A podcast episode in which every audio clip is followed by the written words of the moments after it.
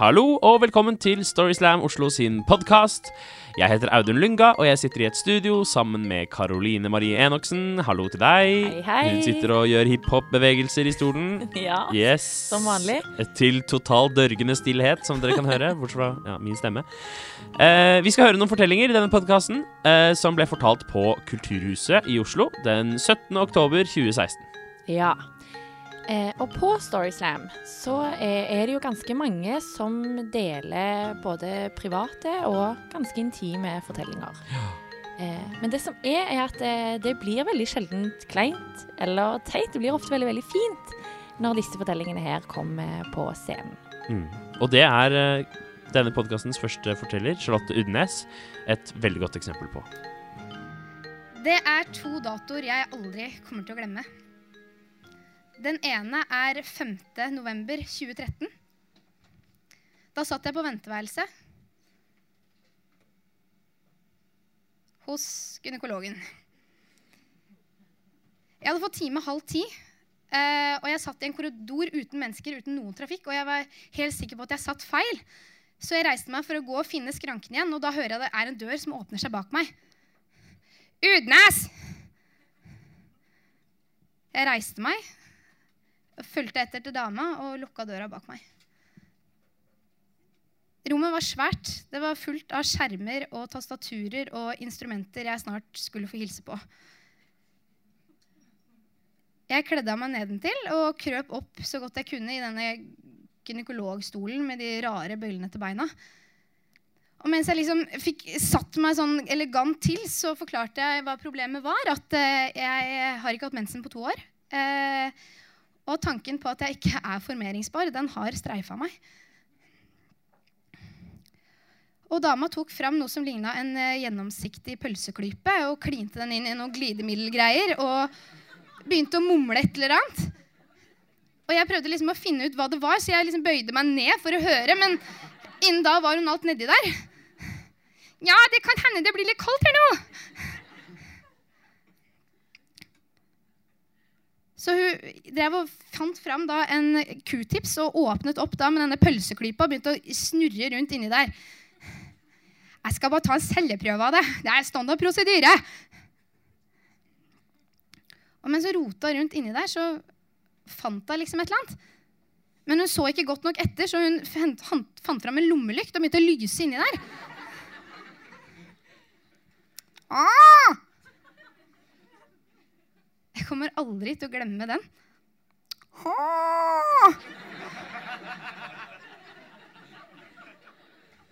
Hun henta fram dette glidemiddelet igjen og fant frem noe som lignet en roll-on-deo, eller en firkanta vibrator, og dro opp genseren min og smurte på dette glidemiddelet. Og den, brukte den der vibrator-deoen og rota rundt i det.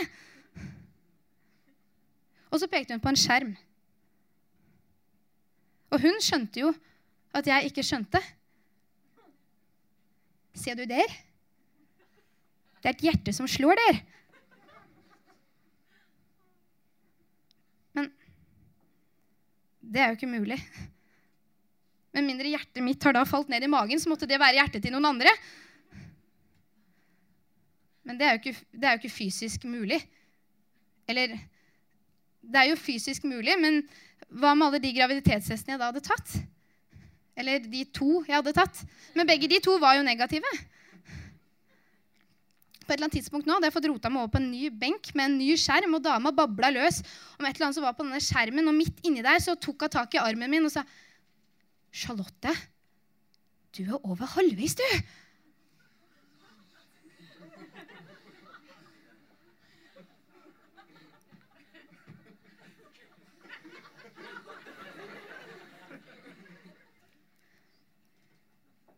Nå kunne jeg jo ikke se noe som helst.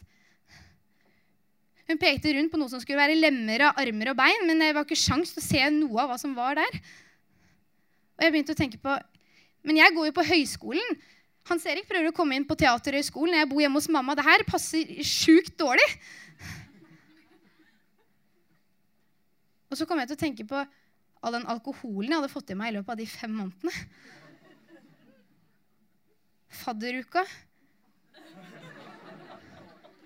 Gratis shot på det andre teatret for det beste forslaget på et sted det ikke egner seg å rope høyt.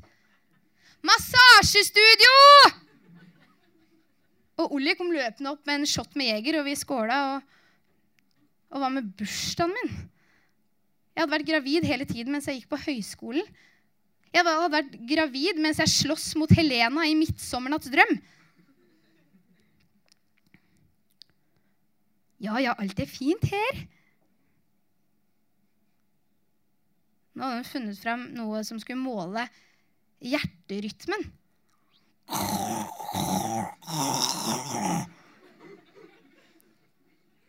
Det hørtes ut som det var IT som romsterte inni der. Jeg hadde fått roa meg og fått klatra ned den der la, høye benken og fått på meg klærne og så fulgte etter henne inn på kontoret hennes. Hun tok fram titalls brosjyrer og skjemaer jeg nå skulle fylle ut. Og, og jeg kjente at tårene pressa tilbake igjen. Jeg husker jeg syntes mest synd på henne. Så Febris prøvde å roe meg ned og forklarte at abort var ingen utvei lenger, for jeg var for langt på vei, og at det var mange fine, uplanlagte graviditeter.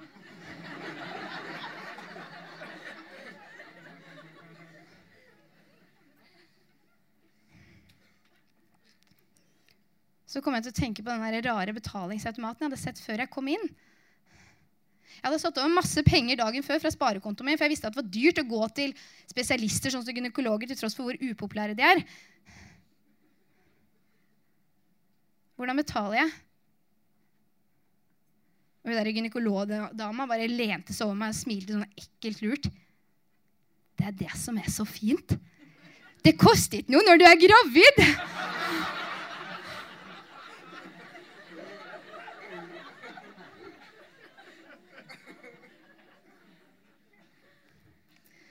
Jeg tok med meg jakka og alle titalls brosjyrene jeg hadde fått, og gikk ut derfra.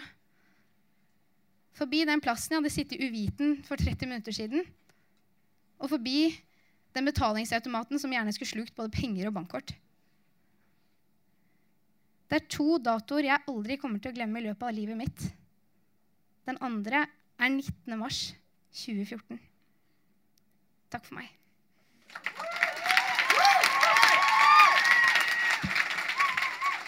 Tusen takk til Charlotte Udnes. Karoline, eh, spiller du i band? Nei. Nei. Nei, det har jeg vel egentlig skjønt eh, Ja. på deg. Nei. Jeg har sunget i kor, da. Ja, Det er ikke i nærheten av å være like kult engang. Ikke i det hele tatt. Å, nei. Eh, Eh, men så også har jeg gått på breakdance. Ja, Nei, det hjelper ikke. Hvis du ikke, har spilt, hvis du ikke spiller i band, så spiller du ikke i band. Jeg, okay. mitt, mitt band som jeg spiller i, Føgleband, uh, vi fins fortsatt. Uh, vi, har, det, altså, vi hadde vår forrige konsert i 2006, men vi er ikke formelt oppløst, så vi er fortsatt et band. Okay. Uh, og Hvor mange følgere har dere på Facebook? Ingen, fordi vi var før Facebook. Men eh, det, poenget mitt er at det er en egen type menneske som spiller i band. Og neste forteller, som heter Daniel Sandvik, han spiller i band. Jeg var forelsket. Jeg gikk i fjerde klasse og var ni år og var, hadde funnet kvinnen i mitt liv. Hun het Johanne, hadde langt, brunt, bølgete hår og øyne som var til å dø av. Hun gikk alltid rundt i en rød, tettsittende genser med små Mikke Mus-ansikter på. Uansett hva jeg gjorde, så tenkte jeg på Johanne. I mattetimen var det umulig å konsentrere seg, for det eneste jeg tenkte på, var Daniel pluss Johanne er lik sant. Dette er det utholdelig å ha det lenge. Uansett i friminuttene hvor hun var, så var jeg aldri nærmere enn eh, 37 cm, nei, 37 meter unna. Hvis hun flyttet seg litt, så kom jeg sånn strakt eh, litt nærmere. Og sånn var det. En dag så sto jeg og joia med en jojo. Litt sånn tilfeldigvis eh, henslengt, bare sto der. Gikk litt tur med hunden, surra jorda rundt, og hoi! Hva var det som glapp ut av hånda mi? Jo, det var selvfølgelig jojoen som trilla bortover asfalten og like forbi der Johan og venninnene satt. Så jeg måtte jo da gå og hente denne jojoen, og overhørte i samme øyeblikk at de pratet om et eller annet nytt band de nettopp hadde oppdaget. Jeg husker ikke hva bandet het, jeg husker egentlig ikke noe som helst annet enn at Johanne nevnte denne vokalisten, og hvor kjekk han var. Denne stemmen som var til å dø for, å, og så spilte han gitar. Jeg spiller ikke gitar. Eller jeg, jeg spiller gitar, men jeg spilte ikke gitar da. Pappa spilte gitar. Espen spilte Espen i parallellklassen spilte gitar. Alle spilte tydeligvis gitar, unntatt meg, og Johanne likte folk som spilte gitar. Jeg gikk rundt i egne tanker og glemte helt å være 37 meter unna, så jeg tror jeg endte med 100 meter. Da jeg rundet skolen og traff mine kamerater som satt og huska. I en sånn rund huske fram og tilbake. Og i egne tanker så kom jeg til å si til de at eh, vi skulle ikke tatt og starta band, da. Noe som virket som en genial idé. Ingen av oss spilte noen instrumenter, men det løste vi. Så vi hoppa av huskene på likt og løp ned til jordkanten. Der fant vi oss en perfekt liten plass der det lå noen steiner i en haug. Vi begynte å rydde vekk denne plassen for blader og rusk og kvast, og tenkte at her, her skal vi ha scene. Vi bygde stakitt rundt, så at ikke vi skulle bli løpt ned av hordene skrikende fans. Ja, for det hadde vi sett på TV. Og var veldig redde for at det skulle skje. Jeg var ikke så redd for det, for jeg ventet nemlig at én skulle løpe ned dette stakittet og kaste seg om armene mine. Vi fant fram noen instrumenter. Lasse spilte trommer. Han fant nok pinner og slo på disse steinene. Det kan jo tenke dere åssen det låter når eh, en slapp kvist slår mot en stein. Det er ikke spesielt uh, musikalsk, kan du si. Torstein fant en stor kjepp som skulle være en kontrabass. Han stod og dunka på denne kjeppen. Det låter jo ingenting. Jeg fant også en kvist som skulle være min gitar. Jeg slo an et par akkorder på denne gitaren. Det låt fint, syns jeg. Dagene gikk, og vi brukte tiden på å rydde og få det til å bli fint. Vi bygde tribuner og sikret dette stakittet ekstra godt, så at ingen skulle komme nærmere. En dag så gikk jeg bort til Johanne og sa at eh, tilfeldigvis så vi har starta band nede i jordkanten. Ja, det er ikke noen store greier. liksom bare, Det er jeg og to-tre kompiser. da. Så du kan eh, ja, kan, kan komme ned hvis du har lyst, da, og se åssen det står til. Neste friminutt så kom hun faktisk ned, og jeg ble jo livende redd. Men prøvde å spille nonchalant, lente meg mot et tre. og Prøvde å vise fram vise fram gjerdet og trommen og basskjeppen og gitaren. Og hun ble jo ikke Hun ble litt imponert. Litt imponert ble hun.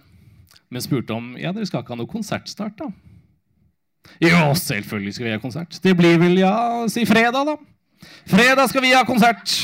Da er det bare å møte opp her nede. Ja da. Jeg spurte læreren om vi kunne få ha konsert på fredag, og han sa ja. Vi kunne ta engelsktimen, siste timen, siste kvarteret kunne vi få bruke til å ha konsert. Og fredagen kom, og timen gikk, og engelsktimen kom, og vi fikk lov å gå ti minutter før for å løpe ned og gjøre oss klar og stemme instrumentene og sånne ting. Så de var klare til å ta imot publikum. Og den tiden den gikk veldig fort. Plutselig så kom de marsjerende ned. To og to leiende fram og tilbake. Ja, for sånn gikk man da man gikk i fjerde klasse. Gjorde dere ikke det? Alle gikk sammen så de skulle holde orden og rekkene. De samlet seg rundt oss. De brukte ikke det der eh, tribunen vi hadde bygd. Den var ikke spesielt god å sitte på, så jeg skjønner godt det. Men de sto pint og pyntelig rundt. Og vi sto der med kjeppene våre. Kvisten var stemt, og Lasse med trommene satt der og spinte rundt. Ja, han lærte seg spinne rundt på sånne kvister. Og de sto forventningsfullt på oss, og jeg satte blikket i Johanne. Hun så på meg. Alle de små Mikke Mus-ansiktene så på meg. Og jeg skjønte at dette her er mitt sjanse til å erobre et kvinnehjerte. Jeg så på de andre, og de så på meg. Jeg så på de andre igjen, og de så på meg. Um, Det var et eller annet vi hadde glemt. Vi hadde brukt så mye tid på å sikre dette gjerdet. Børste vekk kvist og kvast og rusk og rask. At vi hadde jo ikke diskutert noe om hva vi skulle framføre. Dette hadde kommet litt bardust på oss, og vi hadde ikke øvd i noen sanger. Så jeg tenkte litt, så ned, og ja, jeg kom på en sang. Den hadde jeg hørt på radio, så den kunne fungere. På kassett hadde jeg faktisk hørt den.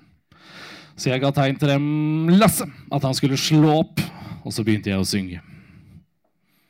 Jeg kan aldri glemme natten jeg fikk lov til å ligge i samme senga som du lå. Jeg satte blikket i Johanne, Og jeg tenkte jeg skulle kjøre inn støtet. Men jeg ble mett av å ligge under teppet. Jeg lå og svetta der med sko og votter på. Så kom refrenget. Jeg hylte til 'Nå skal vi skilles, Johan'. Skilles Johanne, sang jeg. Det var jo ikke dette her jeg hadde ønsket. Jeg ville jo bli sammen med Johanne. Jeg ville jo ikke skilles henne nå som jeg hadde kommet så godt i gang. Men jeg fullførte 'Skilles Johanne' og fortsatte dobbelt refreng på slutten. Og så så jeg ned. Jeg var skamfull, og jeg ante ikke åssen dette skulle gå. Jeg hadde ødelagt min store sjanse til å erobre kvinnen i mitt liv. Læreren takket for seg og sendte alle hjem til helg og ønsket velkommen tilbake på mandag. Jeg dro hjem den helga. Det var den korteste helga jeg noen gang har vært igjennom. Den gikk sånn. På søndag så vurderte jeg å legge meg sjuk. Jeg hadde ikke lyst til å møte Johan igjen. Men mandagen kom, og jeg måtte gå på skolen. Jeg hadde ikke klart å bli syk. syk. Jeg hadde prøvd å gå uten lue og alt mulig, men det hadde ikke fungert. Så da jeg kom til porten, så så jeg en rød genser med små Mikke Mus-ansikter. og holdt en lapp foran der det sto Ja, nei eller kanskje. Sånn gikk det til at jeg og Johanne ble et par. Riktignok ble det slutt to dager senere, men det er en annen historie. Tusen takk til Daniel Sandvik. Ja. Og Storyslam Oslo eh, fortsetter med sine livearrangement på Kulturhuset. Eh, første liveshow etter jul det er 23. januar. Ja. ja. Og hvis du er en av de som har lyst å være på scenen da, og dele din fortelling med oss, så send oss en melding. Enten på Facebook-siden vår, Storyslam Oslo, eller på storyslamoslo.gmail.com. Vi har kjempelyst på nye, spennende fortellere. Nå, Karoline. Nå. Grand Slam. Ja. Rett rundt hjørnet. Yes. 28. november. Oh my god. Vi gleder oss. Ja. Dette er stort. Det blir så stort. Det, det blir en svær event. Det Ja. kommer til å skje så mye spennende. Vi har trukket i mange tråder Det har vi. høyt oppe. Ja, absolutt. Ja, det altså Trukket i alle trådene vi fant. alle vi fant. Og Storyslam Oslo sin jingle den skal kime fra rådhuset sine klokker. Yes. Eh, rett før showet begynner klokken åtte. Um, og så kommer noen fra kongehuset. Vi vet Ja. ikke hvem ennå, men de har bekrefta. De sender noen for å klippe en snor og åpne arrangementet. De sender Jeg noen. krysser fingrene for Lea Isadora, Ja, eh, OK. hvis det er det hun heter. Ja, det er det Eh, den heter. yes. Det blir fyrverkeri. Ja, masse fyrverkeri Ja, i garderoben. ja Det blir kjempespennende. det blir Eh, det. Vi har klart gjort det med, med brannvesenet. Brand, altså. Ja. Det, det har vi fått tillatelse til. Absolutt. Så det blir spennende. Ja, Eh, Og så blir det jo et Storyslam-show, da. det blir det absolutt. Hvor de beste fortellerne våre skal konkurrere. De beste fortellerne eh, Eller i kommer hvert for fall å de som har konkurrere. vunnet så langt. Ja. Og de som kommer, det er Anna Kompelien, det er Jonis Josef, Jarl Våge, Synne Sagstad Imeland, Stina Ribe Tygesen, Hanna Henriksen, Karoline Fyrre, Borghild Otelie Aasebøstøl og Malin Landa. Dette blir bra. Ja, det Og så, bra. i tillegg til det, så kommer jo Karoline Marie Enoksen. Ja, og Audun Lunga kommer. Ja, så vi ses der. Vi ses! Monster.